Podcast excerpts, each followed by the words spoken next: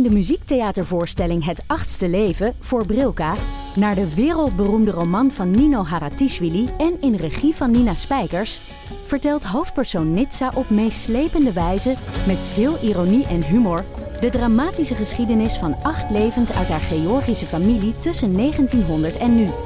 Een hartverscheurend en tegelijk troostrijk drama verteld vanuit het perspectief van vrouwen uit verschillende generaties. Waarbij het publiek meegenomen wordt op een emotionele, visuele en muzikale reis door de 20ste eeuw. Koop je tickets voor het achtste leven via oostpol.nl. In de podcast Radio Romano met Noortje Veldhuizen Met Marcel van Roosmalen. En met Roelof de Vries. brengen we alle drie elke week een zogenaamde signalering mee. Wat heb jij nou weer bij? En aan het eind bepalen we wie de winnaar van de week is. Echt een angstcultuur Lege huls die je er bent? Ja, dat gaat eigenlijk altijd onvriendelijk. Luister nu naar Radio Romano bij Podimo. Via podimo.nl slash Radio Romano luister je 30 dagen gratis. Normaal ken jij eh, de gasten eh, natuurlijk altijd van de VPRO. Ja, VPRO. ja, ja. Dit keer ken ik nou eens de gast uit mijn eh, vroegere werkzame leven. Ja, of eigenlijk gaan we te gast zijn bij hem. ja. André Kloekoen. Hij heeft ook bij de VPRO gewerkt trouwens. Oh nee. Ehm, Ja. Van huis uit chemicus, althans dat gestudeerd. En eh 30 jaar lang verbonden geweest aan Studium Generale. Aan Waar de Universiteit gewerkt, Utrecht. En eh, daar heb ik gewerkt. En eh, zo kennen we elkaar.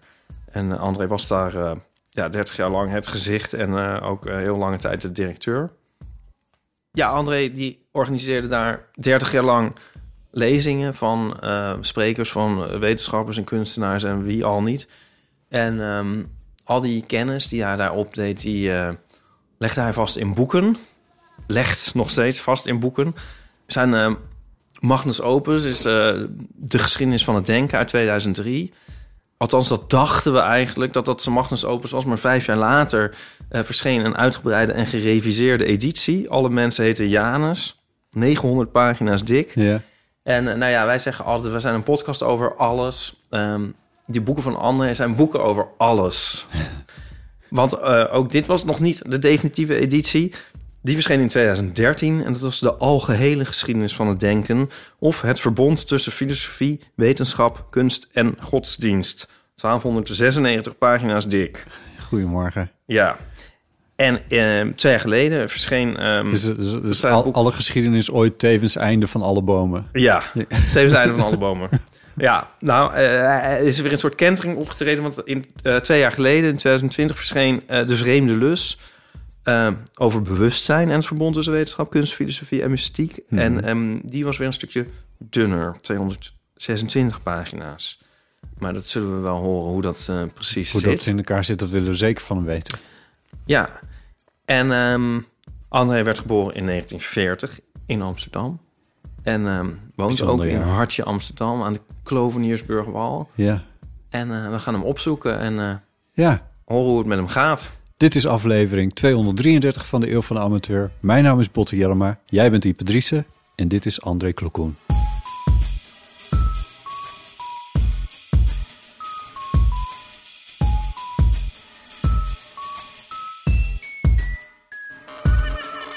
Maar het leuke is van dit, van dit huis, het is eh, ge- bewoond door Jan Six.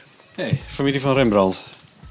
Nou, geen familie, de, de, de, de, de mecenas van De Rembrandt. Mecenas, ja. Oh, ja, dat was het. ja, Rembrandt kwam dus hier. Ja. Ja, Geert Mak heeft daar geloof ik ook een boek over geschreven, een paar jaar geleden. Ja. Komt dit huis ook nog in voor. We zijn nog geïnterviewd door Geert Mak toen over. Van, nee, dus Jans, eerste burgemeester van Amsterdam, heeft hier gewoond met zijn moeder.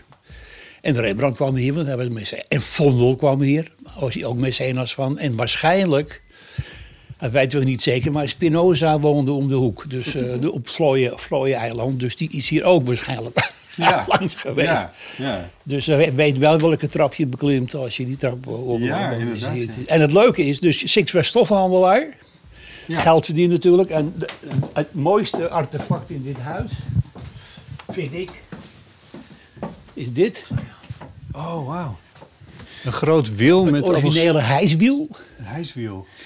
Ja, er ging dus een touw om het wiel heen. Ja. met om het ding een touw naar buiten met een, met een hijshaak. Ja. Maar dat, dat, dat is een rond touw. Dat ging door gaten in de vloer helemaal naar beneden. En dat staat beneden ook op elkaar vast. Dus kon één iemand kon dus... Oh, van beneden af bedienen. Ja, dus er zitten dus gaten in de vloer waar het touw helemaal doorheen ging. En hier stonden alleen maar rekken met stof. En het was het originele hijswiel. Maar dat is dus echt 17e eeuw of nog ouder. Ja, dit, ja, s- ja, nee, dit is eh, 1630, 40. Ja, ja, ja. Ja. Bijzonder zeg. Ja. En hoe lang Maar dit houdt eh? ook hoor, die planken en zo, dat is allemaal eh, origineel nog. Dat is geweldig. Hoe lang woon je hier al? We hebben dus afgelopen februari ons 40-jarige bestaan gevierd Ah, ja. hier als bewoners van dit huis. Ja. Ja. Dus dat is eh, begin jaren 80 was dat. In 1981 is het contract vertekend voor de koop. Ja, ja. Ja. Want je hebt ook ooit in een woongemeenschap gewoond. Maar Dat was die woongemeente. Dat was ook hier. Ja, die, hij is Amsterdam doorgezworven. Oh, zo ja. in Noord en op een botter gewoond, naar de Middellandse Zee enzovoort. Oh. In Italië gewoond en toen Hier, hier terechtgekomen. geëindigd. Hier geëindigd. eh, Ja, Ja. en steeds kleiner geworden. ja. Dus we begonnen hier met z'n twaalf of zo. En langzamerhand zijn er mensen vertrokken en overleden. En eh daarna met z'n vieren Ja. in het hele band. Ja. En, en, eh, hebben jullie dit pand toen ter tijd eh, uitgekozen op die geschiedenis eh, die het heeft? Eh, nee, dat hebben we allemaal later uitge- uitgevogeld. Dat was niet eens bekend. Nee, dat het was dat- ons niet bekend. Nee, nee, maar je kon toen... We zochten een huis, nou, allerlei ingewikkelde persoonlijke omstandigheden. Scheidingen en niet uit elkaar willen. Maar ik, ik gewoon was toen het scheiden met mijn echtgenote. En mijn zoon was toen 14 of zo. En we wilden niet dat hij met zijn rugzakje... Dus we hebben, we hebben een huis gezocht met haar en mij en mijn vriendin en haar vriend. Ja. En hem en nog wat alle mensen. Wat modern. Dan kan iedereen bij elkaar wonen. Hè? Dus een soort van extended Ja. woongemeenschap, ja. En andere mensen. Dus Martijn woont hier nog steeds, mijn zoon. Die woonde dus tussen zijn vader en zijn moeder in. Die allebei een eigen gezinnetje hadden. En dus, maar dat stond te koop en we hadden geen cent te makken. Nee. Maar het was toen, kostte toen ook niks. Grachtenpandje in Amsterdam. Grachtenpandje Amsterdam was half ingestort. Ja, Ook. Enzovoort. En het was een buurt waar de junks voor de deur lagen. En niemand wilde hier wonen. We hebben toen een krankzinnig laag bod uitgebracht. Ja, voor de, voor de vorm. en toen bleken we het te hebben. Maar nu hangt het prentenkabinet. Ja. een belangrijke rol in je werk Ja, speelt. is- ja, ik heb een stuk van mijn hele werk is dat, ja. De printen tentoonstelling. M- Mijn, mijn hele filosofie is gebaseerd op het feit dat we vier manieren hebben om met de werkelijkheid om te gaan. Eh, die voortkomen uit ons bewustzijn. Omdat we ons als enige wezen, het hele universum, bewustzijn, kijken we naar de wereld waar we buiten staan, tegenover staan. Maar we weten ook dat we daar in die wereld zelf zitten. Dus we zijn zowel een onderdeel van waarnaar we kijken. En dat geeft dus een zogenaamde strange loop, de vreemde lus. en Escher heeft ooit een prent gemaakt, zonder dat hij, dat hij dat wist dat hij dat deed. Dus later is hij daarop gewezen, waarin hij dat precies heeft getekend. Dus een, jongetje, een jonge man kijkt naar een prent in een galerie. En in die galerie, in het haven, havengezicht... en in de huisrij van het havengezicht zit de galerie... waar hij naar die prent staat te kijken. Dus hij zit zowel... Hij kijkt naar een toestand waar hij zelf ook deel van uitmaakt. Dus dit is precies de Ja. vreemde lus. En in het midden zit dan, omdat als je daar niet uitkwam, een witte vlek. Dat kon je niet invullen. En dat noem ik dan het godvormige gat. Daar zit alles in wat we niet begrijpen. Dus, eh, dus alle vragen als eh, bestaat God, waar is de zin van het leven? Dus, dus kijken naar de wereld is wetenschap. Deel uitmaken van de wereld is, eh, is kunst. Dus de kunstenaar doet verslag van hoe het is om te zijn. En als je dat weet dat je die twee dingen hebt, dan heb je zelf een metatoestandje. Juist, ja. Dat is de filosofie. Dus zelfbewustzijn over zelfbewustzijn. Ja, ja. Dan ben je filosoof als je, niet, als je, dat, eh, als je de keuze tussen wetenschap en kunst kan maken. Ik heb die twee kenwijzen. Dan ben je dus filosoof. En dan weet je het meeste niet. En dat is die witte vlek. Het godvormige gegaan. Er zit alles in wat we niet begrijpen. Dus die vier kenwijzen die zitten precies in die print. Ja, de mystiek is dat dan Dat is de eigenlijk. mystiek. Ja, religie, mystiek. eh, Ja. Ja. Ja, Alle, alle etherische toestanden. Eigenlijk wel gewaagd dat eh Asher dan eh, juist in dat godvormige gat zijn eh, handtekening heeft gezet. Ja, ja, ja. ja. Nou, hij wist het niet, maar hij is later, zijn Nee. later wiskundige bij hem op bezoek geweest. En die zeiden van, meneer, als je wel goed, als je wiskunde weet ik niks van. Hebben ze het hem uitgelegd. Dit is dus een wiskundige strange loop. Juist, ja, ja, ja. Ja. Oké. Ja, ik, ik, ik heb in Groningen gestudeerd en in die tijd dat ik daar studeerde, ik geloof dat het nu niet meer zo is, had de universiteit als motto, eh, wat was het nou? Werken aan, het gren, aan de grenzen van het weten of zo. Ik vond het echt vreselijk. Maar, maar goed, dat, dat zou je hier dan bijna verbeeld kunnen zien. Ja, ja, ja, het is een prachtig beeld van. Ja, ja, ja, ja, ja, ja. ja. En je kan het gaat dus invullen. Dus als je weet welke wiskunde dit is, dit is namelijk hyperbolische wiskunde. Dus de coördinaten van de print zijn niet zoals normaal gesproken eh, horizontaal of verticaal, eh, platte print, XY. Maar dit is ook niet XY Z, dit is XY en nog één. En dat geeft dan hyperbolische coördinaten. En als je die recht trekt, wat wiskundigen kunnen, Dan zou je hem in kunnen vullen. dan, dan kan je hem dus invullen als de verpleegster op het cacaobusje. Dat je steeds jongen kijkt naar een print in een galerie... waarin hij zelf staat naar de print en kijken naar de galerie. Ja, het Drosten-effect. hè? Ja, het Drosten-effect. Dat, dat zou je dus ook door kunnen voeren en dan kun je eruit komen. En, en dat loopt dus uit in een circulier punt. Dus het oneindig, oneindig verdwijnen. Ja, ja. In, eh, en dat zou je dus ook God, God kunnen noemen. Het, het circuliere punt waar alles uit, eh, Ja. uit ontstaat. Ja. Ja, dus, dus het lijkt een printje, maar het, Het, is, eh, het is eigenlijk helemaal jouw werk eh, helemaal, samengevat. ja, Ja. ja. Moet ik niet eerst even thee zetten dan? ook? Oh, eh, nou, graag. Ja? ja, lekker. Ja.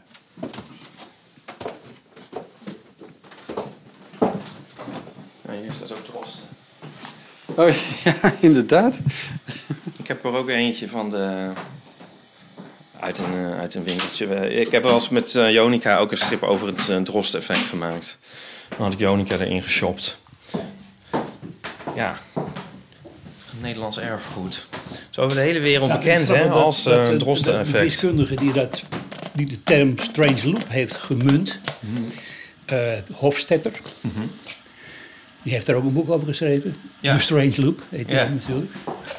En eh, die is ook in Nederland geweest. Met zijn kinderen. En die zijn met Madurodam op bezoek geweest. Ja. En dan was hij heel teleurgesteld dat er in Madurodam Geen Madurodam. geen Madurodam stond. Waarin meer Ja. Madurodam. En zei, en hoe kan dat nou? Nederland, ja. met het ze wisten alles van die verwerkte cacaobusje en ze hebben geen Madurodam in Madurodam. Daar was hij eigenlijk heel boos over. Zijn ze dat niet gaan doen sindsdien? Ja, zou je wel. Dat moet, dat moet komen. Dit moeten we even checken. Dit moet komen. Ja. En voor jou staat er in Appelstam. Ja, heel grappig. Ja, was hier, ja. goed bedacht. Mijn kunst bestaat uit vriendenkunst.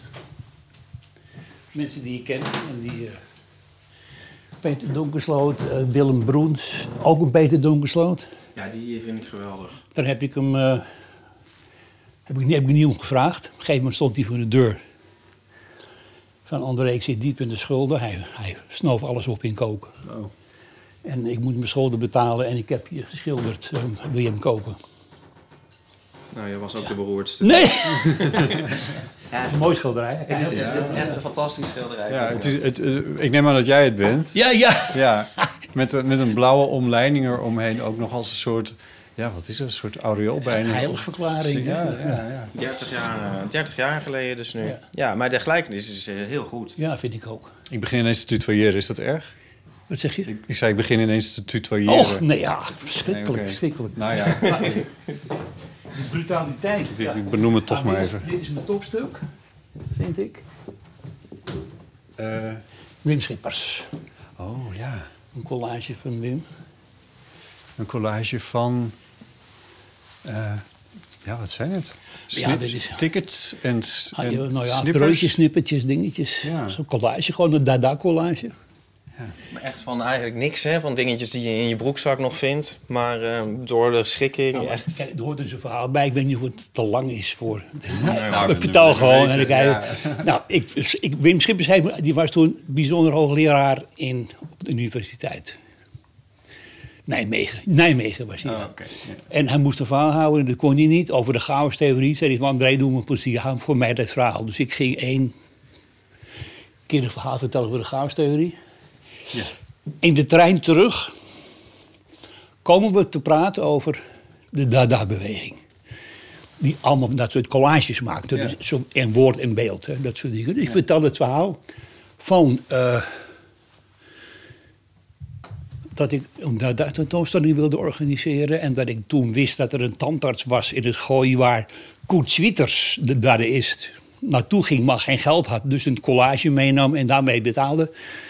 Dus die tandarts had dus collages van Zwieters in zijn... eh, en dan denk je, net als, net als dit... Zwieters liep door Berlijn, prulletjes, draadjes, oude metrokaartjes, zilverpapiertjes. Verzamelde alles, stopte dat in zijn zak van zijn jas. Ging naar huis, gooide alles op tafel en maakte daar collages van. Juist. Denk je, allemaal rommel, kan niet veel wezen. Maar ik zit bij die tandarts in zijn, in zijn spreekkamer, in zijn tandartsstoel. Hij zei, wil je iets zien van die collage? Ja. En hij, brandkastje open, één collage zo ongeveer. Haalt hij eruit. Mijn hart, stond, mijn hart sloeg over. Dat was zo mooi. En ik vertel het verhaal aan Wim, maar hij zegt verder alle ook van dat soort dingen. Hij heeft de hele tijd een plastic tasje bij zich. En we komen hier op de hoek, hij woont daar. Dus we lopen uit de trein hier naartoe. En dan geeft hij een tasje, geeft hij aan mij. Van, alsjeblieft, als dank voor de- mijn bijdrage. En ik mag het hier thuis open. Ja. Waans, waanzinnig verhaal. Ja. Ja, ja, Ja. Dit dus. Ja. En hetzelfde ongeveer, een prachtig goeie van prulletjes en dingetjes. Niksjes, niksjes. Ik wil iets gaan maken, wat. Ja. Eh, nog meer? Ja, nou, dit, hier is, dit is jouw werkkamer, zijn we Ja, dus nu. En ehm, hier staan... eh, hier, staan eh, hier staat de wetenschappelijke literatuur, zou ik maar zeggen. Ja, ja, ja. En, eh, En de je- poëzie. En je eigen boeken. En mijn eigen boeken, ja. Alle drukken. Dat wel, hè, dat doe je dan wel, ja. Ja. Voor één boek zeven drukken, dus dat is heel wat. Ja, de geschiedenis van het denken. 25.000 exemplaren verkocht, ja, dat is wel wat. ja, dat is mooi. Ja. Ja. Nou, zullen wij eh We gaan een kopje thee een drinken. kopje thee gaan drinken? Ja, dat gaan we doen. Nou ja, dat valt in de, ja. Ja, je mag nog meer vertellen als jij nog eh, denkt van dit is le- leuk voor... eh, Nou, dit bureau bijvoorbeeld, ja. dat is van, eh, van het Hof, de fysisch-chemicus van het Hof geweest. Oh, ja. Die stond, eh, ik heb gewerkt op het Van het Hof Laboratorium Ja. in Amsterdam. Ja. Staat er niet meer, is afgebroken. Staat nou een soort van kubus voor in de plek. Verschrikkelijk prachtig gebouw. Eind, eind 19e eeuw. En die, die liet zijn meubels ook maken zelf. Dus eh, Ik zou het zeggen, dit, ziet- dit ziet er wel uit alsof je met, met zorgen... meubel- allemaal handwerk. En toen hebben ze dus besloten om het hele gebouw tegen de vlakte te gooien. Waarom, weet ik nog steeds niet. Ik denk, er moest dus een blokkendoos met allemaal aparte... En de meubels, ik, toen dacht ik van, wat gaat er met die meubels gebeuren? En ik heb net kunnen voorkomen dat ze dat tot splinters sloegen. Dat is het bureau waarvan het Hof aangezeten heeft. Zijn tetraeder bedacht heeft. Dit bureau, waar hij de Nobelprijs voor heeft gekregen. En dat zouden splinters worden geslagen. Ja, als je het zo Ja, er vertelt, dan is het ook bijna niet te geloven. Alles, alles, want alles is kapot, hè, behalve al- alleen dat bureau nog. Ja, ja, ja. En de stoelen? Nee, die zijn uit een kerk. Die zijn uit de kerk. Ja, Want eh, dat is de stoel waar, op jij, waar, eh, waar jij op zit, waar je alles aan schrijft. ja dat is dus waar kan Het is niet zo'n ergonomische stoel. eh. Nee. nee. nee. Erg een beetje, ja. Ik heb ook regelmatig eh, RSI en SPIT, dus eh, dat komt dan daar boven komen. ja. Kerkstoelen zijn er wel vaker verantwoordelijk voor, ja. Is dat een soort Calvinistische inslag of meer vanwege de esthetiek dan dat je hier toch voor kiest? Ja, ja, ja ik, ik- kijk, ik, er, is, er is hier niks te vinden wat jonger is dan 100 jaar. daar, hou, daar hou ik dus gewoon van. Ja. Ik kan niet tegen die moderne dingen. Het is allemaal een beetje... Nee. Wat mankeert er vaak aan? Ja, zieloos. Zieloos, er, moet, ja. er moet geschiedenis, net als in het pand, er moet geschiedenis in zitten, anders vind ik er niks aan. En dan ging mijn hele college ging er ook altijd over. Ik heb in het begin, ik was daar getuige van mijn eerste colleges uit de, de, de, de, de eh, Liever de Gifbeker, die colleges, gegeven in het, Het, eh, de Sterrenwacht. Oh, in de Sterrenwacht, ja. Ja, waar een collegezaaltje in zat. Van dezelfde sfeer als dit allemaal. Dus uh, toen het gebouw gebouwd werd. Dat, de, de, de oude sterwacht in de binnenstad van Utrecht. Precies. Ja, ja. Dus ik wilde daar, en er was ook het. eh, een museum is daar dus ook. Ja. Dus dan je college geven in het museum, in het oude gebouw. Dat heb ik wel eens voorwaarden gesteld om het college te kunnen geven. Want in de uithof kan je geen college geven. Met die theaalbakken boven die slappe tafeltjes en stoeltjes, dat kan niet. Dat was een- ja, de luisteraars kennen dit gebouw misschien nog van eh, de gangen... waar je elkaar eigenlijk eh, moeilijk kon passeren... en elkaar van veel te ver af zag... zodat je nooit wist wanneer je moest beginnen met groeten. Ja. Daar hebben we het wel eens over gehad. Ja, een de- wegbatterij met lange deur met allemaal deurtjes. Die, die meestal dicht zaten, maar mijn stond altijd open. Ik kan niet tegen een dichte deur. Dus, eh, Ik zie nu dat de deur hier ook gewoon weg is. Ja, je ja, zit ja. helemaal geen deur. ja, Straks verder met André Kloekoen. Ik wil even zeggen, word vriend van de show. Ga naar vriendvandeshow.nl slash eeuw. Je betaalt 2,50 euro per maand. En dan ben je vriend van de show en heb je toegang tot extra's die wij maken. En we hebben wat leuks bedacht, Ipe, in de komende periode. Kan je ons even meenemen door je papieren agenda waar dit in staat? Even bladeren. Waar is het leeslint? Voor onze vrienden van de show gaan wij een nabeschouwing houden... van het Eurovisie Songfestival. Ja, Oh, leuk. ja. Ik ben wel heel benieuwd wat jij er allemaal van vindt. Ja, ja, ik moet het nu dus ook wel echt serieus Ja, gaan moet volgen. echt gaan kijken. Ja, moet ik ook halve finales gaan kijken? Natuurlijk moet je de halve finale gaan kijken. ja. Oké, Ehm, nee, leuk. dat wordt leuk. En, En, dat ehm, is alleen voor vrienden te dat beluisteren. is alleen voor vrienden te beluisteren. Maar dat is nog niet zover, want het is nog niet geweest. Nee, dat is uit mijn hoofd de 14e mei. Ja. Oké. Ik krijg ook af en toe nu vragen van mensen van... oh, kom je 14 mei op mijn verjaardag? En dan denk ik, nee! Nee, nee. Dat is Ik- namelijk ik het Eurovisie Songfestival. moet televisie kijken. Ehm, Ik moet kijken voor mijn podcast. ook gaan wij Ja. de emofoon opnemen. Opnemen. Ja, Ja, aannemen. aannemen. Ja. Ja, en eh, onderwijl stevig innemen. Ehm, zet dit maar in je agenda Ja. Van papier. Ik, ik, heb, ik verheug me hier dus echt heel erg op. Ik vind het dus echt... Ik, Ja, ik hoop echt dat iemand belt. Ja, dat hoop ik ook. Het idee is 24 mei, een dinsdag. Ja. Om Een hoe avond. laat zei jij? Ja, ik, ik zei tussen 8 en 10 s'avonds. Oh ja. Waarschijnlijk tussen 8 en 10. Ja. Kun je ons de eeuwfoon bellen? Dat kan altijd, maar dan beland je altijd in de voicemail. Ja, maar nu En- gaan we echt opnemen. En nu zitten we klaar met de recorder. Dus we nemen op en we nemen op. ja. En dan, en dan gaan we ook met je praten. Dan gaan we dus, praten. Dus, dus het is niet één richtingsverkeer eh, dat je de voicemail inspreekt en dat wij daarna ons Nee. ongezouten mening daarover geven. We moeten Nee, nu dus plekke we met gaan iets leuks. terugzeggen en dan kun jij Ja. ook weer iets terugzeggen tegen ons. Ja. Eigenlijk zoals bij een, ja, in een telefoongesprek bijna. Ja. We nemen het op. Het wordt een aflevering voor vrienden van de show. Ja. Eh, en daar kun je, je kan, ja, ask, ask us anything. Eh, Ja. Of het- zeg ons iets. Bijvoorbeeld over eh, Ik krijg nog een tientje van je. Ipes- Driesen. agendabeheer. Over eh, Nou, dat mogen de mensen zelf verzinnen, maar daarom zeggen we het nu alvast. Dan heb je nog tot Utrecht. 24 mei de tijd om iets te verzinnen. Ja, en, eh, en, en, en ja, nogmaals, ik heb er heel veel zin in. En, eh, en bellen, bellen mensen. Eh, en je kan het dus pas horen als je vriend van de show bent. Ja. Dat vind ik belangrijk om te En het zeggen. 24 mei is geweest. En het 24 mei is geweest, ja. Kan niet wachten. Oké, eh vriendvandeshow.nl slash eeuw. We hebben ook een aantal nieuwe vrienden er weer bij gekregen. Hiep hoi. En nieuwe vrienden van de show zijn bijvoorbeeld Nathalie, Lisanne, Nikki, Onno, Greg, Vincent, Martijn, Marijn, Johanna, Richard R., Na Nana, Sascha, Marleen Judith, en Jorien.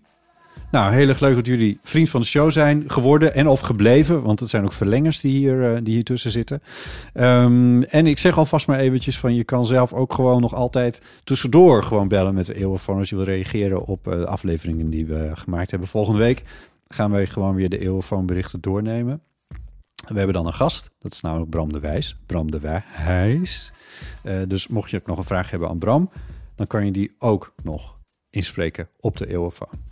Telefoonnummer weet je onderhand wel. Ehm, Dat werkt niet, hè? 06 1990 68 71. Ja, maar we hebben dat nu al zo vaak tegen mensen aangegooid. Op een gegeven moment... Dan, Ja, maar dat is, dat is ons ding. er zijn mensen Dat die, is ons ding. die nog maar één telefoonnummer uit Weet hun je, hoofd Het kennen. is net zoiets van, je gaat toch ook, eh, als je naar, een, eh, weet ik veel... eh, Ja, nee, de grote hit. Dit is, dit is onze hit. Dit is onze hit. Je moet onze hit spelen. Plus er zijn weer allemaal, allemaal jonge mensen die voor het eerst luisteren. Dat is waar, Die ja. denken, ik heb geen idee wat het telefoonnummer is. Dit, dit is hoe jonge mensen klinken in jouw klinken oren. jonge mensen. Oké. Ehm, dus dat kan. hey, weet je wat ook leuk is? Ik zeg gewoon altijd wel van... eh, je, kan eh, op eh, Apple po- op podcast kan je een recensie achterlaten. Dat hebben mensen gedaan. Oh, nou. Ja, het is heel klein afgedrukt, maar ik ga er eentje voorlezen en jij gaat er eentje voorlezen. Ik lees eentje voor van Eline en die schrijft onder de titel Lievelingspodcast. Een van de eerste podcasts die ik begon te luisteren vanaf het begin. En ik kijk er nog steeds elke week naar uit om met Botte en Ipe aan de keukentafel te zitten. Dat is een hele leuke. Oké. En dit is een reactie van Mup1. Heerlijke podcast om naar te luisteren. Leuke hosts, goede onderwerpen en soms gewoon ook lekker gedachteloos. Maar daardoor juist zo fijn in alle drukte. Ik laat deze review nog achter voordat ik ga switchen van podcast-app, want ik haat deze. Thanks voor de tip, botten. Oké, ja, heel goed. Nou, bedankt voor die recensies. Dat is heel fijn. Ik bedoel, als mensen dan zoeken bij Apple op een podcast... en ze zien deze recensies verschijnen, die staan nu bovenaan... dan gaan ze ook luisteren. Ja. En dat is leuk. Kan niet anders. Ja. Eh, we gaan verder hierover. We gaan terug naar de Kloveniersburg-Wal. naar André Kloekoen.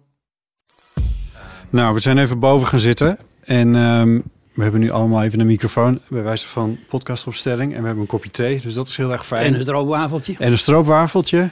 Enjoy a Dutch Classic staat erop. dus dat is goed.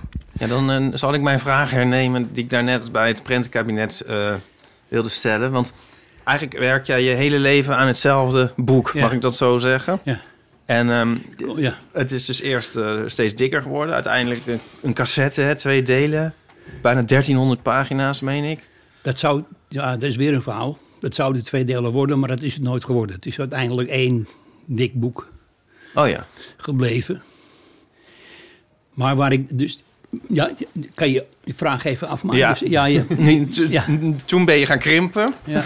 En eh, ben je, eh, is dit het eindpunt of werk je nog steeds aan het, aan het boek? Nou, het eindpunt. Er zijn meerdere eindpunten, zoals je misschien zal begrijpen. En ik werk aan twee dingen.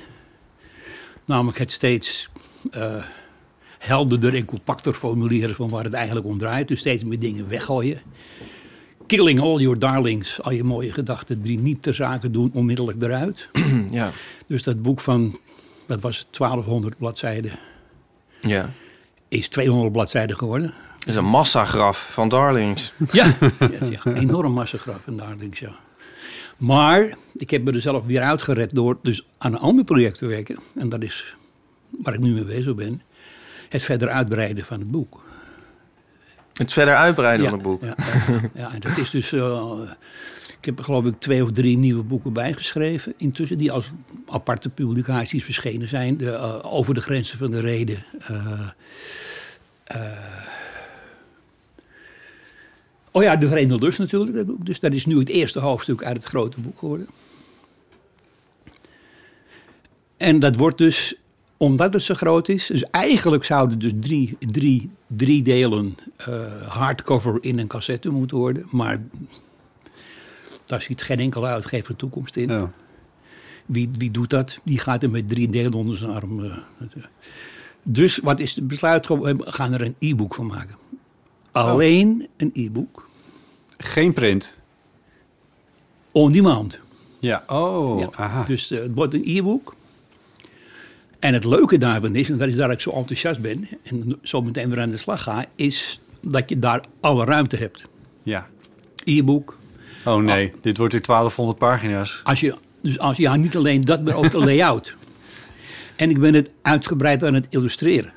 Oh. Ik, kan daar, ik ga er honderden prenten in. Als ik iets over Galilei zeg, Galilei erbij. Weet je, het plaatje van zijn... Het hele. Dus iedere bladzijde één of meerdere illustraties. Die, Ja. die je zo van internet kan plukken. Ja. Ja, heb je dan niet een uh, recht aan... Uh... Ja, zeker, ja. zeker. Maar dan zit je voor in het boek dat je je uiterste best hebt gedaan. Om en dat, en dat, als het niet gelukt is, ja, laat het ons vooral weten. Ja, ja. Maar je kan, je kan wel streven naar om dat te doen. Maar of het altijd lukt, dat weet ik niet. Nee, nee precies. Maar, ja, ja. Dus, maar het mooie is, je hebt A, geen drukkosten. Je, je krijgt het op je tablet. Dus het is... Het is, het is uh, je kan het mee op vakantie nemen. je kan het overal mee naartoe nemen. Ja. De ruimte is oneindig. Je hebt geen. De uitgever zegt van ja, maar dit, dit, al die plaatjes dat is veel te duur. Wel. Geen transportkosten. Uh, en als je het boek aanschaft, dat e-book, wat, wat dus komt, dan krijg je daar een abonnement bij met de instantane verbeteringen. Juist. Iemand overlijdt. Staat er in mijn namenlijst, staat iemand met dat hij nog leeft. En dat wordt dan aangepast. Aangepast en ja. krijg je toege, toegezonden uh, de, de correcties. Dagelijks toe. Dagelijks de, de update. As a matter of speaking natuurlijk. Maar ja. updates krijg je dus bij je e-book aangeleverd. Ja. Dus is, bij, bij je e-book uh, moet je dus aanschaffen en dan moet je er iets bij betalen voor je abonnement. Ja. En de auteur zelf, zolang hij nog leeft, kijk dagelijks naar of het allemaal nog klopt. Juist. Je hebt voor jezelf weer iets uh, verzonnen om te doen. Ja. En mijn uitgever is zo enthousiast. Jongen, die zegt, jezus, dat gaan we doen. En ik ben de eerste uitgever die dat doet dan. Die alleen een e-book met abonnement... Nee, weet ik, ik zou net zeggen, het, en, en, en, het is ook wel een interessant verdienmodelletje ja, op zichzelf. Ja, ja, ja, ja, ja, Maar hij heeft al iemand gevonden die... Dat, er moet maar één ding gebeuren. Dus een Word-document omgezet moet worden in een, in een e-book uh, ja, document. Nou ja, dat is een, op een knop drukken, denk ik. Ja. En jij denkt nooit van, ik, het is wel welletjes of zo, ik ga... Uh, ja, wat eigenlijk? Rustig aan doen. Nee, maar dat is een goede, goede opmerking. Ja, wat eigenlijk? dat is uit een goede opmerking. Want ik ben ook het hele project begonnen. Ik heb één grote angst. Dat ik niet meer weet wat ik moet doen. Ja. Hoe kom ik aan die angst? Mijn vader is overleden. Die was een arbeider en die ging op zijn 65ste met pensioen. Genieten van het leven. En hij heeft drie jaar met zijn hand onder zijn kin aan tafel gezeten. Niet te weten wat hij moest doen en is toen aan kanker gestorven. Ja. Dat, dat, is, uh, dat is wat, wat Drees heeft bewerkstelligd met zijn, uh, met zijn, met zijn... AOW en pensioen. Hmm. Doodongelukkige mensen. Ja?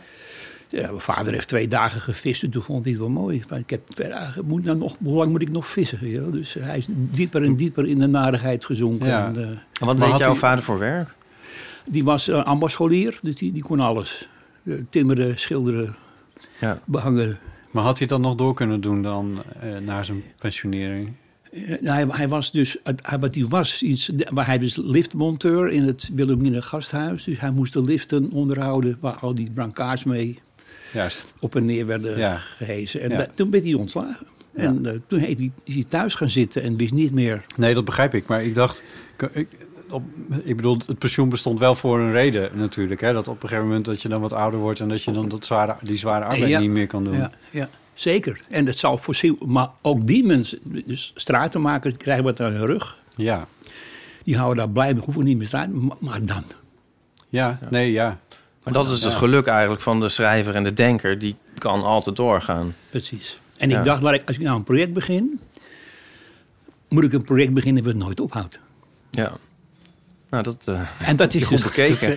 dat is, dus we weer bij de singulariteit uh, terug. Ik ben nu uh, ik ben met mijn in het pensioen gegaan. Ik ben er nu nog twaalf jaar mee bezig daarna. En ik ben nog steeds dagelijks bezig. En het, ja. het einde is nog niet in zicht. Nee, pensioen was bij de Universiteit van Utrecht, hè? Of ja, de Universiteit Utrecht, ja, ja, precies. Ja, ja, Mis je die plek eigenlijk? Um, studium generale of de, de, de lezingen of dat, die contacten? kijk, ik mis mijn studenten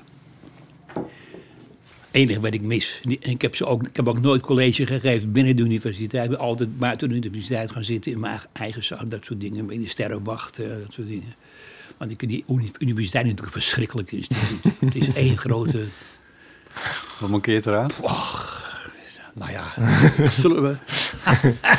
Daar is een uurtje over. Ja, jij hebt het natuurlijk bureaucratischer en bureaucratischer zien worden. Het is, en minder, uh... een bedrijf geworden. Toen ik begon te studeren op het Van Hof Laboratorium... wat er stond met al zijn grandeuren en dingen... was het gewoon een universiteit. En nu is het een, een fabriek. Hm. En waar komt dat door, dat dat zo is geworden? Daar heb ik een theorie over. En die is, dit is geen theorie, dit is wel bevestigd. Dat op een gegeven ogenblik is het man, kijk, hoogleraren waren ook managers van hun eigen. Of die, waren, die, die stelden hun eigen mensen aan. Die eigen onderzoeksproject. En, en het was een, oncontroleerbaar, maar wel zeer eh, eh, eh, mooi en leuke bezigheid. En dat is overgenomen door managers, sociologen hoofdzakelijk. Dus er is een sociologie-studie, is vrij recent. En wat moet je doen met sociologie? Eh, bij Human Resources gaan werken? Dus, nou ja, of, eh, of, of ja. Of maatschappelijk, eh, eh, ja, ja, en men is, men is toen op het idee gekomen dat de universiteit bedrijfsmatig moest worden ingericht. Want Want dat is hoe je dat doet. het ging zo. steeds meer geld kosten. Het Ja, ging steeds meer mensen efficiëntie gaat dat over. Gingen Ja, steeds alle- meer alles is natuurlijk bedrijfsmatig geworden, zou ik maar zeggen. Ja. Ja. Maar op de top natuurlijk, dat ik op een gegeven moment de universiteit binnenkwam en er bij de ingang een tafeltje stond met het werkboek erop. En als je het binnenkwam, moest je als directeur van het studium generale, moest ik dan de tijd invullen van hoe laat ik binnen was gekomen, waar ik vandaan kwam, wat ik ging doen. Ja, Dus de- de- ik ben weggegaan uit de industrie toen ik 15 was, omdat ik niet tegen die prikklok kon.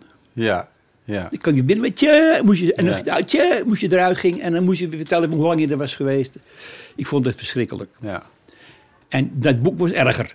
ja. Erger dan een prikklok. Was, dan moest je alles invullen, dat soort dingen. Toen heb ik dus een eh, stuk geschreven, een management van... Voor mij is dat niet te doen. Ik sta s'nachts in het café en ik kom Harry Moelis tegen. En ik vraag bij meneer, Harry, zou jij een lezing willen geven voor het studium generale? Ik druk nu wel mijn knop in, want ik ben nu aan het werk. ja. En als Harry dan begon, zei, oh, nu, haal je, nu, nu praat je over andere dingen. De knop weer in, nu brek ik die mee. Ik zei, hoe moet ik dat in godsnaam doen? ja. En ik had toen een eh, formule bedacht, van ik ga naar een film... die ik misschien kan gebruiken voor het studium generale, maar misschien ook niet. Hoe moet ik dat nou rekenen? ja. Wist ik niet. En Nee. als ik nou in een leuke gezelschap was, dan is het natuurlijk prettiger dan dat je in je eentje zit. En als het in een leuke zaal is met gezellige mensen, is het leuker dan dat je in je eentje in een zaal zit. Dus ik- Dus ik heb een formule gemaakt waar al die factoren in waren opgenomen. En het invullen van die formule duurde langer dan die hele film duurde. Dus eh, het- men begreep ook dat dat kon, Nee. dat kon inderdaad niet. Nou, jij- zo, jij- zo erg is het geworden met de universiteit. ja, ja. Ja, jij wist je altijd te onttrekken wel aan eh, die regels, zou ik maar zeggen. Dat, eh, je had wel een, een goede plek voor jezelf. eh. Ja, zeker. Bevochten. Ja, ja, ja. En ik weet nog heel goed dat eh, een, wat er ook speelde was dat alle afdelingen voortdurend altijd moesten verhuizen. En André had gezegd dat ik ga niet verhuizen over mijn lijk, we blijven hier. En dat is heel lang zo gebleven. Ja, is lang zo gebleven, ja. Ja, En de- tot aan het eind ja. toe. Tot aan het eind toe. Maar de, de dag nadat jij vertrokken was, kwam er iemand met, een, eh, met zo'n clipboard, een beetje rondneuzend. En eh, we vroegen van, eh, kunnen we ergens mee helpen? Ja, we zijn van de verhuisdienst en eh kwamen eens even kijken hoe dat hier zit. En eh, nou, toen zijn we binnen een jaar twee keer verplaatst. ja, ja, ja. Meteen was het gedaan. Maar het is die hele structuur. Dus bij het inhuizen in de Uishof is er een dienst opgericht. Namelijk de inhuisdienst. Een vrij omvangrijke dienst. Een heel werk is dat. Als je al die, al die dingen in die brouw Ja. inhuizen. Toen iedereen zat, dachten ze en nu. Moeten we die hele dienst nou opheffen. Hadden ze geen zin in. Juist. Toen hebben ze een plan bedacht. We, moeten, we hebben het verkeerd gedaan. Dus we moeten... En Een echt met omgekeerde argumenten. Hè? Dus ik heb die, al die stukken moeten lezen, ook nog eens een keertje. Want wij moesten toen dicht bij de ingang zitten vanwege de inloop van de studenten... die natuurlijk niet drie etages boven moeten om bij het studium te komen. Maar daarna maakte er niet uit, want er waren liften. En die liften waren ook een ontmoetingsplek. Was, nee, het was dus eh, een eindeloos sociologisch hoer Ja, over oh, niks. ja, Oké, ja. Oké, dan ga ik nu wel even advocaat van de duivel spelen. Oh jee. Ja, Want... je, bent, je, bent, je bent zo, socioloog. Nee, Oké. Eh, nee, gelukkig niet. Ehm, nee, wat ik wil zeggen is... ehm de universiteiten zijn efficiënter geworden... en daardoor eh, zijn ze ook in staat geraakt... om meer studenten te, op te leiden. Ja, ja. Of hoe zeg je dat? Maar in Zeker. ieder geval te huizen. Ja. Ehm, en dat, dat, is toch, dat is toch ook winst? Meer studenten met een kortere studieduur Ja. En grotere collegezalen. En mijn topargument, zal ik je meteen verklappen, is dat ik heb me altijd geïnteresseerd voor eh, eh, baanbrekend wetenschappelijk werk. Ja. Bijvoorbeeld waar Nobelprijzen voor werden uitgekeerd. Zoals meneer Hof dat eh, heeft Zoals, zoals Van Hof dat heeft gedaan. De laatste doorbraak op wetenschappelijk gebied dateert uit de jaren 60 van de vorige eeuw. Het Higgs-deeltje. Dat is voorspeld in 1930 door Einstein. Weet je wel, omdat er een apparaat is gebouwd waarmee je het ooit kon zien, is natuurlijk geen doorbraak. Dat is een technische uitwerking van een probleem wat al 100 jaar eerder is voorspeld. Oké. En, zo, en ne- 1960 dus de DNA-structuur, de chip, de laserstraal, er zijn nog een paar, oh ja, eh, eh, eh, het internet. Allemaal verzonnen Jaren 60. 50 en begin jaren 60. Ja. En daarna is Ja. er niets meer gebeurd wat, wat het vermelden waard is. Er worden Nobelprijzen uitgereikt voor onderzoek van 40 jaar geleden. Oh, dat, Ja, ik durf je niet tegen te spreken, want Nee. ja, maar, maar meen je dit er- werkelijk? Dit is in, dit is in alle ernst. Is alle ernst. En ik kan het niet vaak genoeg maar dit, en dit is een argument tegen meer studenten op universiteiten. Tegen dat als je meer studenten krijgt, dat je ook meer docenten moet aanstellen. En dat Ja. je meer collegezalen moet bouwen. Ja. En, dat je, en dat je niet moet zeggen van, we hebben, we hebben zoveel geld en daar moeten we het mee doen. Of er nou 10, 100 of 1000 studenten mee gefinancierd moeten worden. Dat hele studiefinancieringsgesodemieter Maar als je komt er nu- ook uit voort. Er is het, het rare idee. En dus, dus het efficiënt maken moet dan, moet dan het, eh, het, eh, het, eh, de winst opleveren. Ja. Dus meer kunnen doen voor minder geld. Maar zo kunnen we toch het volk verheffen? Ja, dat is een oud thema. Het volk wil niet verheft worden. Die hebben wel wat anders te doen. ik, heb nog, ik kom nog uit de tijd dat, dat we met de boeken bij de fabriekspoorten stonden. Dat ze moesten gaan lezen. De, de- om de arbeiders te vertellen wat ze Al de arbeiders ja, te, te stichten. Ja, van, de arbeiders hadden wel wat anders in hun hoofd. Ja, ja, ja. De hele wetenschapswinkels en de, en de maatschappelijke wetenschappelijke instituten die, die opgericht zijn om wetenschap voor het volk. Ja, Allemaal plat. ja. Niks werkte. Maar André, jij, ze- jij zegt nu de wetenschap eh, staat stil eigenlijk, of, of daar gebeurt weinig opzienbaars in. Als je dan die, je andere idee is hè, van eh, je hebt twee kenwijzen, de wetenschap en de kunst. Ja. Zie je dan in de kunst ook zo'n soort stagnatie? Eh, oh, dat is een goede vraag. Ja, ja, ja, ja, ja, ja. Maar die hebben dus een oplossing gevonden. Vind ik. Eh, Dat is namelijk, je had het modernisme in de kunst. Dat ging dus net zo, hè, van de, de, de, de opeenvolgende stromingen. Het ene tuimelde over het andere heen. Op een gegeven moment ben je als kunst klaar. Want wat, wat kan je nog meer componeren als componist dan stilte? Wat, wat komt daarna de stilte in Nee. de muziek? ja. Eh, Er zijn tentoonstellingen met beelden georganiseerd, waar eerst de beelden van de sokkels zijn gehaald en toen de sokkels uit de ruimte en toen de muren om de ruimte vandaan, dan stond je gewoon weer buiten. Want dat is eigenlijk het ultieme museum. De- Dus op een gegeven moment, nou ja, alle, alle egaal rode, egaal zwarte, egaal witte, egaal groene schilderijen, Ja. wat kan je nog, nog verzinnen? Toen is het postmodernisme opgekomen, een van mijn stokpaardjes. Een soort van vervolg op de Dada-beweging. Die geen keuze meer maken voor een stijl of een stroming, maar putten uit alle stijlen. Er is geen opeenvolging van dingen meer, maar er is een een. Dus alle stromingen zijn aanwezig. En als kunstenaar kan je uit iedere stroming halen wat je denkt op dit moment nodig te hebben. ja. Dus er is geen, eh, er is geen, geen eh, modernistisch vooruitgangsidee meer. Geen economisch groeimodel. Maar er is gewoon een waaierd aan mogelijkheden. Waarin je heerlijk kan rondzwemmen. En alles wat je kan gebruiken, kan gebruiken. En zou je niet op een zeker punt ook kunnen zeggen dat, eh, dat ik bedoel niet de uitvinding van, want dat is dan dus inderdaad 50, 60 jaar geleden al, al de kiem voor gelegd, maar het internet en de, de, de, de fine-tuning daarvan en het, het toegankelijk maken van eh, heel veel gegevensbronnen Ja, ja. Voor, voor iedereen die het maar wil, zou dat de wetenschap dan ook niet vooruit eh, kunnen helpen op diezelfde manier als de kunst? Van je kan gewoon, alles staat tot je beschikking als wetenschapper.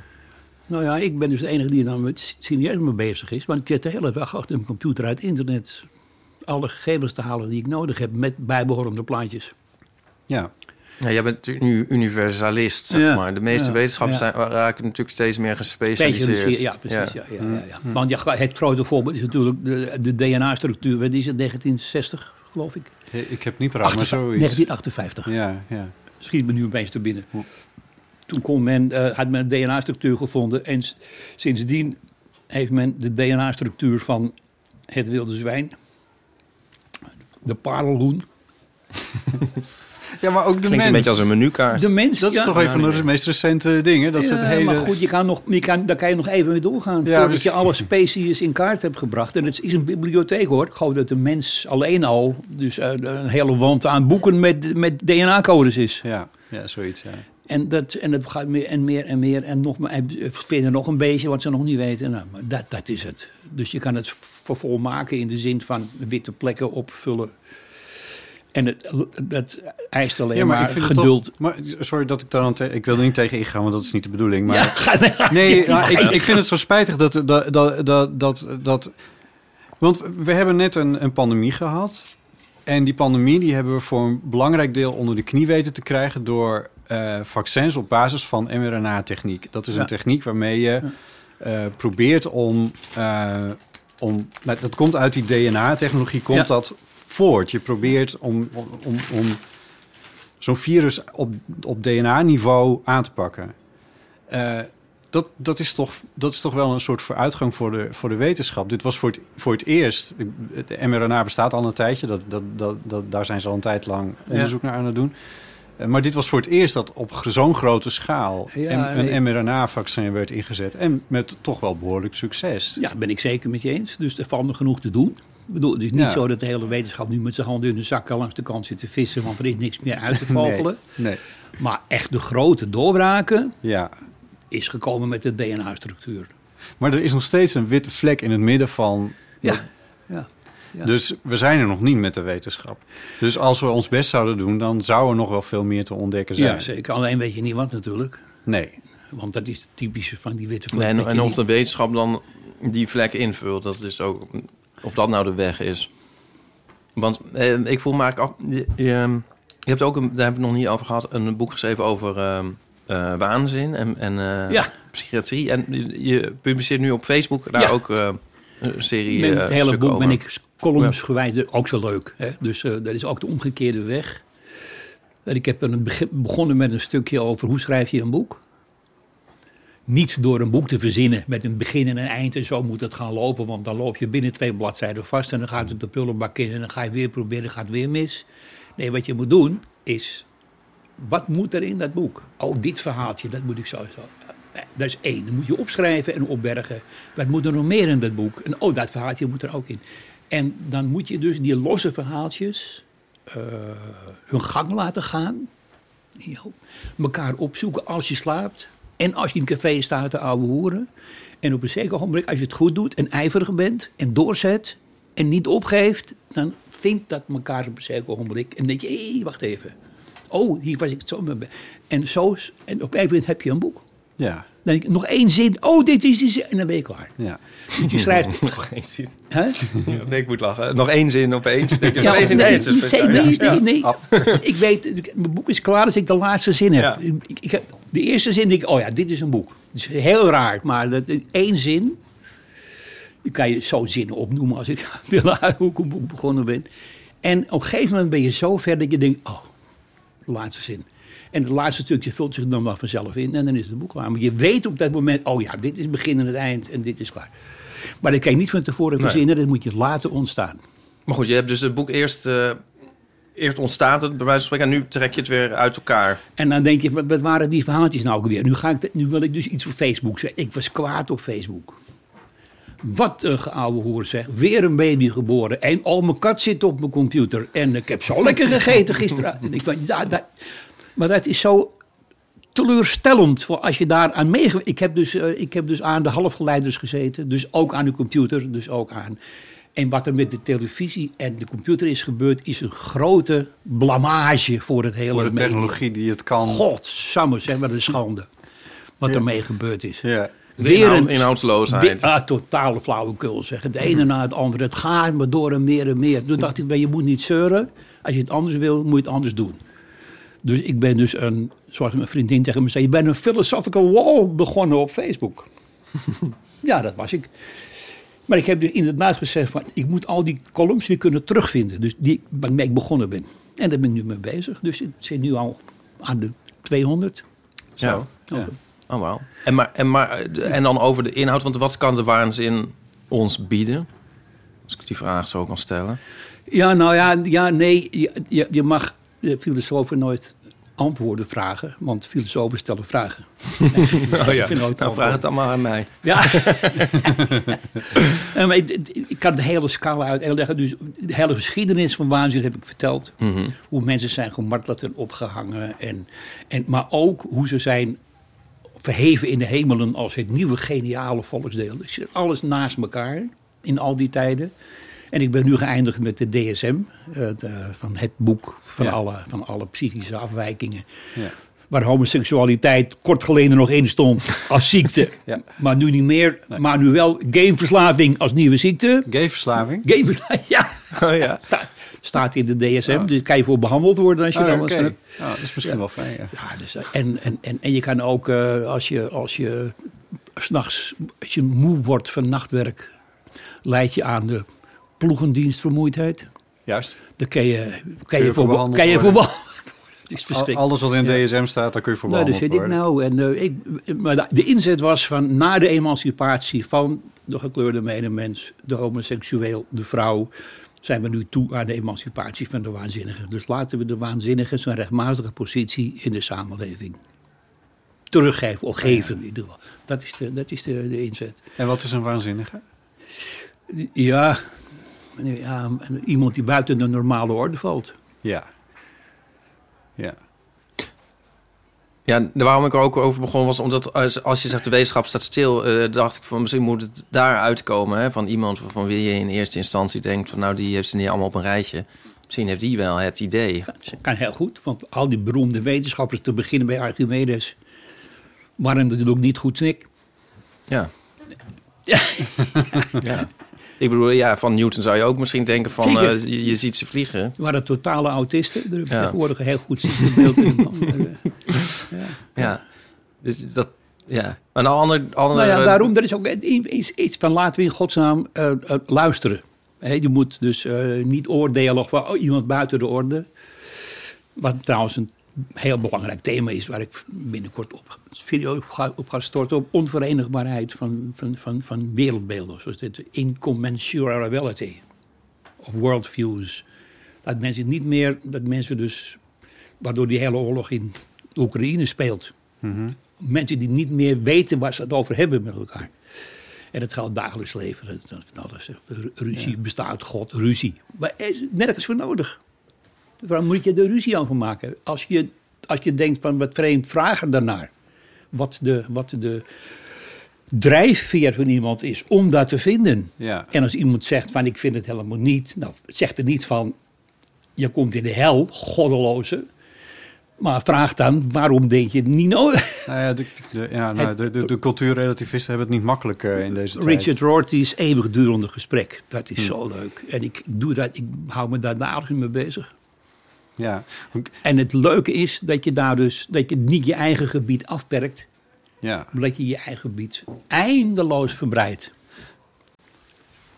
Mag ik het... eh, klopt mijn observatie dat, dat, ehm, dat jij erg houdt van, de, van, het, van het toeval, serendipiteit, van eh, het, het verweven van het, het leven en het werken, eh, zal ik maar zeggen. Dus, het, dus in de kroeg staan met Harry Moeders en daar komt dan een lezing uit. En, en Ja. in, in, in Ja. die categorie.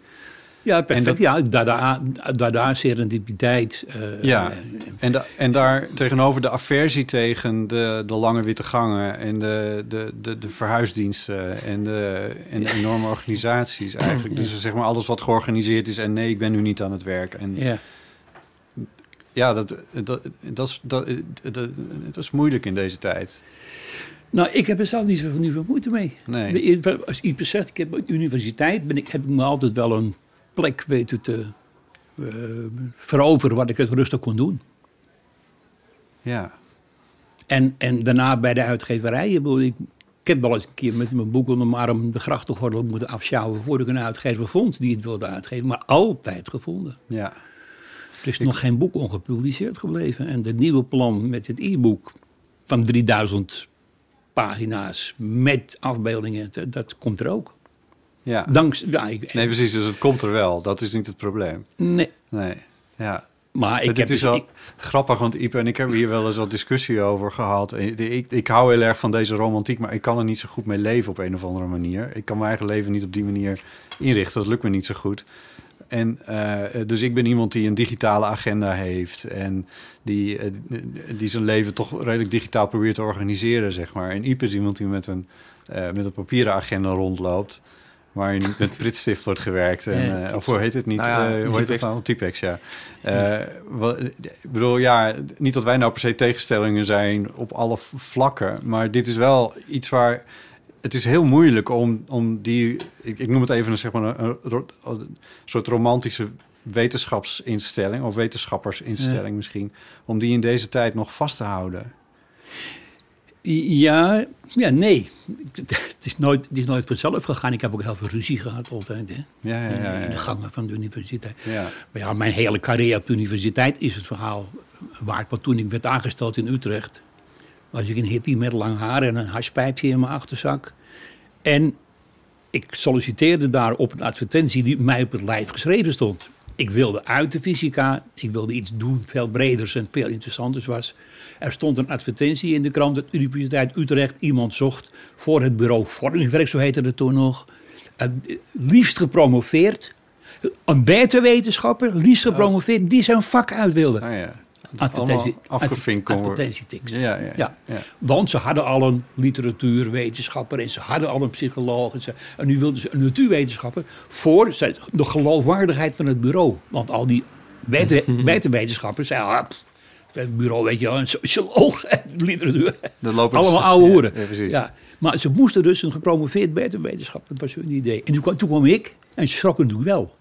Ja? Dat was niet wat ze, wat ze voor ogen stond. Ze om- hadden een keurige man. eh, Ja, jij voldoet niet aan het- dat standaard of voldeed niet aan het... Ja. Ja, ja, ja. Kloekoen heeft wel niet de habitus van een ambtenaar, dat dus toe, maar zoiets valt te leren. Dat, dat was Dat is nooit, dat is nooit geworden. nooit nee. Maar ik ben in ieder geval altijd wel, dus ze wilden me niet hebben. Maar er was iemand toen, Trudy, van Asperen, een eh, filosoof, die werkte bij het bureau en die zei van ik wil die man hebben. Hij erin of ik eruit. En toen, moesten hebben ze mij drie dagen naar een, eh, naar een doorzaagcursus gestuurd in Den Haag. Moest ik allemaal plaatjes invullen en, allemaal, en moest ik sociale spelletjes doen en dat soort dingen. Want ze dachten van nou, die man is totaal gek, dus dan kunnen we hem daar wel op afwijzen. Maar ik kwam allemaal, allemaal, allemaal positieve dingen doen. Dus ik moest hem in godsnaam, ben ik aangesteld daar. Ja. En zo ging het de hele tijd. En toen moest er iemand directeur van dat bureau worden. Hetzelfde verhaal van iedereen, maar hij niet natuurlijk. Want eh, ik ben het toch geworden. Op een of andere rare manier. Ik heb wel eens gedacht van dat je leven van tevoren eigenlijk al vastlegt voor je eraan begint. En dat het eigenlijk al... ja, Ja, zo voelt het wel vaak. Hè? Ja. Dat heb ik ook wel vaak hoor. Ja, Ja. vind ik echt. ja, Ik snap het wel, ja. Ja. Alles heeft geleid totdat we hier nu zitten. ja. ja. Ja, zeker. Ja, ja. heen serendipiteit gaan? gesproken. Hè? Van Ja. toevallige, toevallige ontmoetingen. Ja. Maar wel, zoals de definitie luidt, van een goed voorbereide en zoekende geest. ja. Want Maar- het ik, ken die ik vertel het aan mijn studenten. Hè, van, eh, van je moet vooral eh, de, de, de, de- de voorbeelden van ontdekkingen die gedaan zijn. Van Kekulé, die eh, bij in zijn makkelijke fauteuil bij de haard zat en een fles rosé had gedronken. En toen het idee van de, van de benzeenring kreeg. En eh eh, Mendeleev, die, die, die het periodiek systeem bedacht, die hele tijd met patiënten uit te spelen. Hij was verslaafd aan patiënten. En met die kaarten het, had toen- het periodiek systeem vinden ze hartstikke leuk. Yes, veel wijn drinken, bij de haard zitten. En spelen. spelen. En je komt op En dan kom je wel. Nee, Dat is dan weer niet zo. goed voorbereiden en zoek onder geest is Ja. een noodzakelijke voorwaarde. En je moet daar hard voor werken. En dan moet je dag in dag uit mee bezig zijn. En dan Ja, zakken ze weer een beetje in. Dat doen ze een beetje tegen. dit is ook weer precies de overeenkomst, vind ik wel, tot, tussen de wetenschapper en de kunstenaar. Ja. Dus eerst het voeden en het harde werken. En dan eigenlijk op een onbewaakt moment, bij de, vaak in de ontspanning, dan is er opeens, eh, Ja. gaat het licht aan. En weet je dat ik mezelf dan dus nooit vertrouw? Ik denk van ja, dit heb ik nu wel snel even bedacht op, op de zondag achtermiddag. En dat lost inderdaad het probleem op, maar dat kan het toch niet zijn? Ja, de twijfel hoort er ook bij. Ja, ik. twijfel hoort er ook bij. Ja, oh, t- zeker. Ja. Ja. Zeker.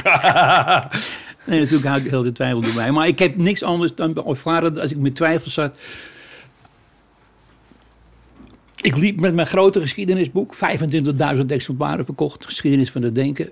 Liep ik onder mijn arm door Amsterdam heen. De uitgever die het wilde uitgeven was er, was er niet meer, dus ik moest naar een nieuwe uitgever op zoek. Interessant boek, maar ik goed. Maar dat kunnen wij niet betalen. Dus nie- wie wil dat nou hebben en het kost veel te veel geld. Hele rij uitgevers. Ik beland op een zeker ogenblik met moed der wanhoop, met lood in mijn schoenen, bij nog een uitgever, Prometheus. Waar de Plien van Albada toen de directeur, niet Mai Spijkers, Plien van Albada de directeur van was toen. En die zei van André, ik ga het zelf niet lezen, maar ik heb momenteel geen non-fictie uitgever, geen non-fictie redacteur. Maar leg het even op het bureau. Volgende week komt er een nieuwe. Het eerste wat hij krijgt. dacht ik, ja. Ik heb, heb ik meer gehoord. Ik leg het op dat bureau. Twee weken later telefoontje. Van die nieuwste aan. Nieuwe, nieuwe redacteur. Mag ik dit uitgeven? Ah, Ja. ja. Ik weet het niet zeker, maar hij was, het was, ja, namen komen niet zo van pas op het ogenblik. Maar eh, eh, eh, hij, wij bleken een vrij, we kenden elkaar uit Utrecht. Ah, Bertram Maurits, die uitgever was het, getrouwd met Toef Jeger. En, ik kan me, en we waren allemaal heel goed bevriend. En ik kan me goed voorstellen dat toen Bertram Maurits s'avonds thuis kwam... tegen Toef zei van, heb ik nou een bureau heb gevonden? Ja. Van André, daar. Toen heeft Toef gezegd, Bertram, als je dat niet uitgeeft, ga ik bij je weg. nou, zo zit de wereld in elkaar. ja, ja, Zo ja, zit de wereld. Dat boek moest er komen. Dat, eh, dat idee heb ik wel. Ja, dat boek heeft zijn weg uiteindelijk gewoon gevonden. En, en, en gewoon gevonden, ja. ja. ja. Ik wil nog één eh, onderwerp aansnijden, want dat, dat eh, is een terugkerend eh, onderwerp bij ons. Ehm, je had het over je hippie-tijd en we hebben het over eh, de inspiratie en waanzin en zo gehad. Ehm, wel- welke rol zie jij weggelegd voor geestverruimende middelen in eh, dit verhaal? Ja, ja, ja, ja, ja. Nee, ik doe het zelf niet meer. Nou ja, als je, ik heb alles gebruikt wat God verboden heeft. Behalve heroïne heb ik nooit gedaan. Maar opium en cocaïne en LSD en uh, allemaal, psilocybine, allemaal wel gebruikt. En heeft het wat opgeleverd? Eh, Ja, zeker. Ja, ja vind, Ja. Ik, vind ik Ja. wel. Ja, ja, ja, ja, ja, Ja. ja, ja. Ik heb andere werelden ontdekt. Ja. Daar begon het mee. Dat je denkt van, godsamme. Ik liep stonend als een aap of trippend op een LSD-trip door het bos heen met bomen te praten. Met wie? Bomen Bomen. Oh ja. te, te praten en eh, hun, machts, hun machtskring aan het ontdekken. Die er was. Dus die hele wereld van die Indiaanse tovenaars die ik betreden heb, die idee van, nee, ja, Ja. Zo- zou wel niet. Bleek gewoon een in de goede geestgesteldheid. Bleek dat, die je niet hebt van jezelf, maar die je wel kan bewerkstelligen met middelen. Een zeer bestaande en zeer, eh, zeer eh, interessante en, g- en, en nuttige wereld te zijn. Als we daar meer van hadden geweten. toen we aan deze krankzinnige toestand hier. Verlichting, met een verlichtingsidee en zijn mechanisering en industrialisering hadden geweten. dan hadden we nu niet in die klerenzooi gezeten. Zeg ik altijd maar. De, de klerenzooi zijn de, de klimaatcrisis. Eh, Ja, dat kan je wel zeggen. Ja. Ja. Dat, dat, dat is, dat, is iets, dat moet nog beginnen. Hè? Ja, ik vond het al vrij warm twee zomers geleden. Ja. maar ja. Nou ja, nee, moet echt nog beginnen. ja. ja. Ja, dat krijgen we nog. Ja. Ja. En het wordt echt een heel groot item waar we allemaal mee te maken krijgen. Ja. En, eh, en waarvan de filosofen tegenwoordig zeggen... als we toen hadden geluisterd naar het eerste rapport van de Club van Rome... en toen de maatregelen hadden genomen, hadden we nu niet in de problemen gezeten. Ja, 73 toch? 73, ja. En eh, jij zegt er ook, ehm, ik ga dit even citeren. De mens is een dier, maar wel een bijzonder dier. ja. Ehm, hè, dat zich eh, van de rest van het universum onderscheidt door daar niet alleen te zijn, maar zich er ook bewust van te zijn. Ja. Even om eigenlijk af, hou je van dieren? Van dit dier? Hou je, vind, je- hou je van de mens? Het is, nou ja, van, van individuen, maar niet van de soort. Nee, ik vind dieren veel leuker eigenlijk.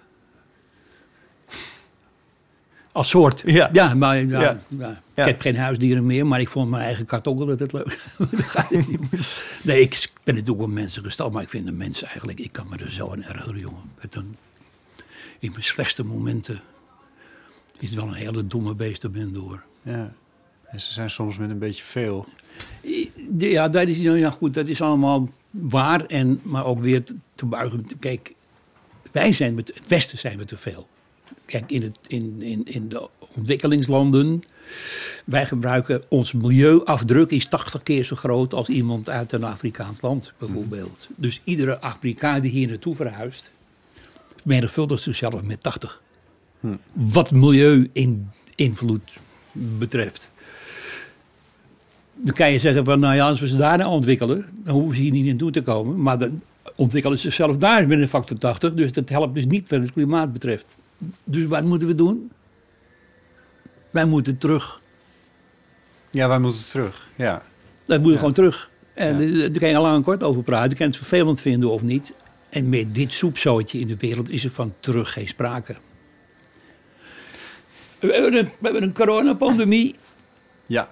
Eindelijk gebeurt er, die vliegtuigen liggen stil, het verkeer ligt stil. Ja. Je ziet op de wereldkaarten zie je de vervuilende centra per dag schoner worden. Ja. Heb je die gezien? Op Ja, ja, ja, zeker. die-? Ja. En de wordt de pandemie, we mogen weer. Nee, we mogen helemaal niet weer, weet je wel. Dus, en, en verdomd, ze stonden nu weer, Schiphol liep weer over. Ja. Alles liep vast, want ieder, oh, we mogen weer vliegen.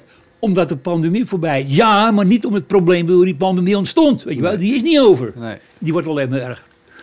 En Ja. ik vind het zo dom. Ik vlieg al jaren niet meer. En ik heb geen auto meer. En ik, heb geen, ik eet nog wel vlees, af en toe. Dat moet ik zeggen. Maar, Nou ja, Maar onder, dat onder hele- de streep je- zit je dan niet op, ta- op die 80 keer, volgens mij. Ik denk als je, de, als, je geen, als je niet vliegt en geen auto hebt... dan zit je onder de streep met af en toe vlees nog steeds wel goed. Redelijk goed. Nou, ik ben bezig om helemaal vanaf te komen. Ja, maar ja. dat valt niet mee. Maar, ik, Maar het is, eh, d- eh, want, want ik, ik geloof ook dat, dat we niet per se op de goede weg zijn. En ik, ik werd ook heel verdrietig van dat, ik geloof 52% van de Nederlanders van plan was om deze zomer een vliegvakantie Ja, te gaan doen. Ik dacht van, dat, dat kan niet eens, maar ja. Ehm, maar dat gebeurde ook, dat was op dezelfde dag dat er in diezelfde krant ook stond dat er, eh, het was mooi weer, de zon scheen en eh, het waaide redelijk.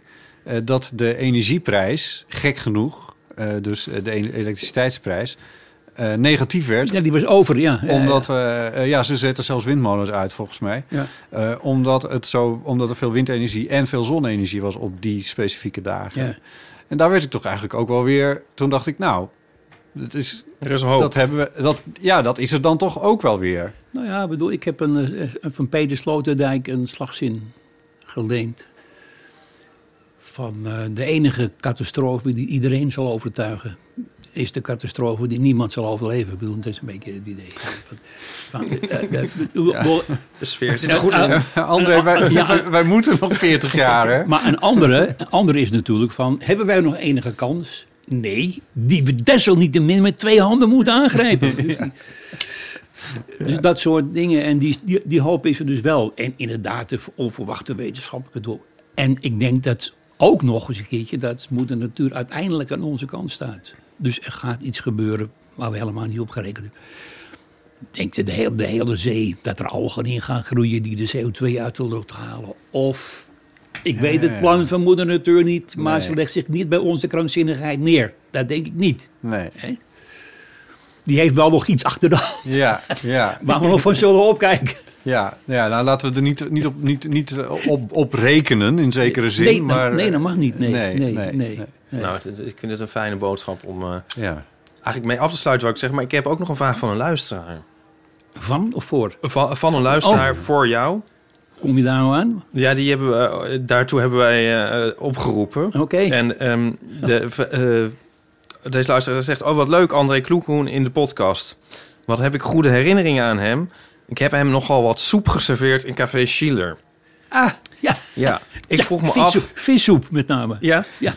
Ik vroeg me af waar hij zijn... De, het is Florien. Florientje, ach ja, ja, ja. ja. Ik vroeg me af waar hij zijn kennis vandaan haalt. Of dat verschilt met leeftijd. Dus of, dat, of je nu andere bronnen dan hebt dan voorheen, denk ik dat ze bedoelt. En eh, wanneer hij zelf kennis is gaan maken. Veel liefs aan jullie en natuurlijk aan André. Ja, Florien, ja, Ja. schat van een meid. Was de, was de, de, de uitbaatster van Café. Ja, En ik kwam daar iedere week een paar keer vissoep eten. Een heerlijke vissoep. Wow. ja. maar je komt daar nog steeds regelmatig, ja, ja, toch? Ja, ja, ja. ja. Ja. Ja, eh, ik kom daar nog steeds. Ik heb daar een eigen tafel. Een eigen tafel. Van Florien. ja. Ge- gekregen ooit. Ja. Het is eh, misschien, ja, maar om- even om die vraag heen te draaien nog Ja. dan. dan de, de, de- de- Florien heeft het café overgenomen van een of andere rare snoeshaan die het café naar de Galamise heeft geholpen. Dus, toevallig kwam hij verleden week weer in het café terug. Misha heet hij. Die was de baas in die dag van een goudmijntje. En eh, binnen, binnen een jaar lag het café failliet. Dus ik kom op de donderdagavond in het café. Zegt de kok gedag, ga zitten eten. Hij zegt tot morgen. Kom de volgende dag zwart. Café dicht. Niemand meer te zien. Ja. Failliet. On the, on the spot. Café is drie maanden dicht geweest.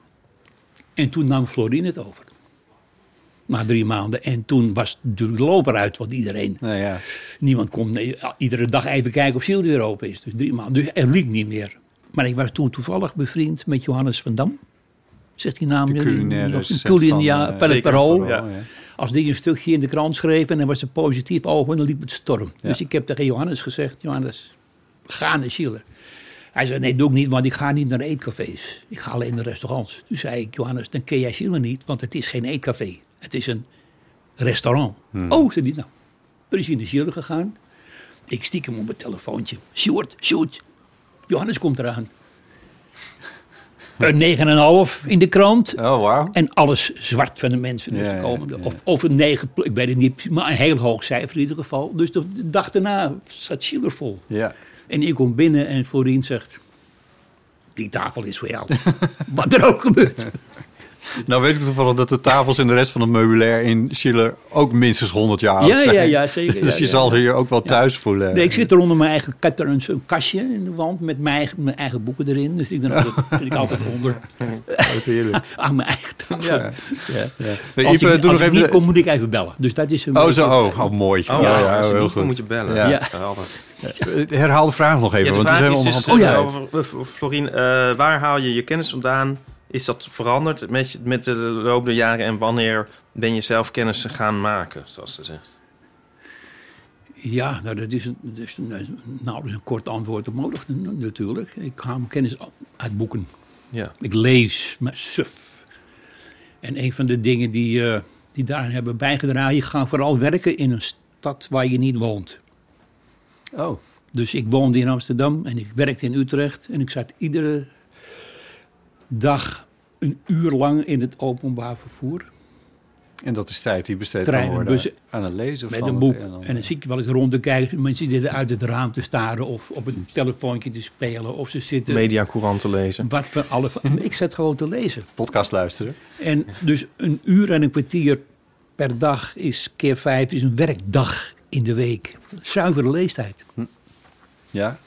En, Dus- dus- nou ja, welke bedoel- boeken? Waar, waar, waar, waar, waar doe je ideeën op over van ik moet dit boek in huis halen, ik moet dat boek proberen te vinden? Nou, je begint natuurlijk met toevallig iets. Van denk je, oh, dat lijkt me een interessant boek. En, Ja. en daar staan dingen in. Dat je, oh, natuurlijk, en dat soort dingen. Dus het is een zich uitbreidende. Nou ja, waar ik nu mee bezig ben.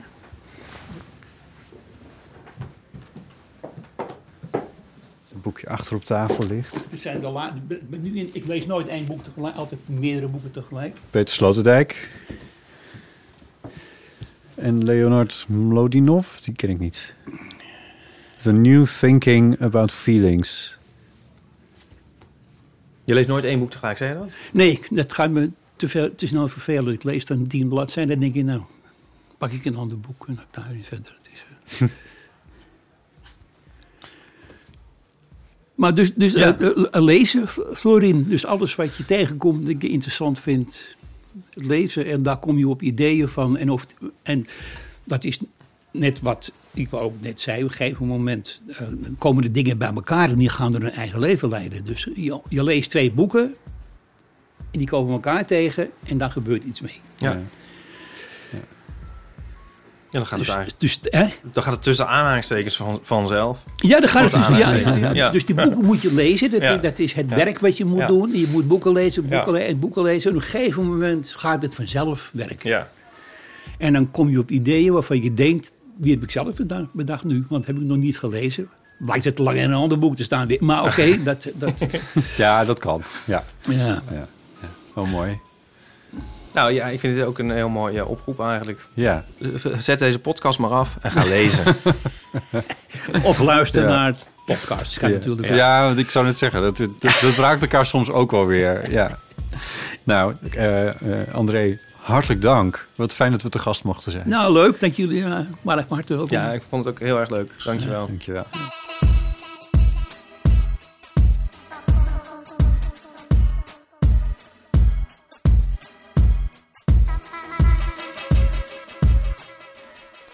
Even over die grootse en epische muziektheatervoorstelling. Het achtste leven voor Brilka is een marathonvoorstelling van 5 uur. Koop je tickets voor deze bijzondere theateravond via oostpol.nl.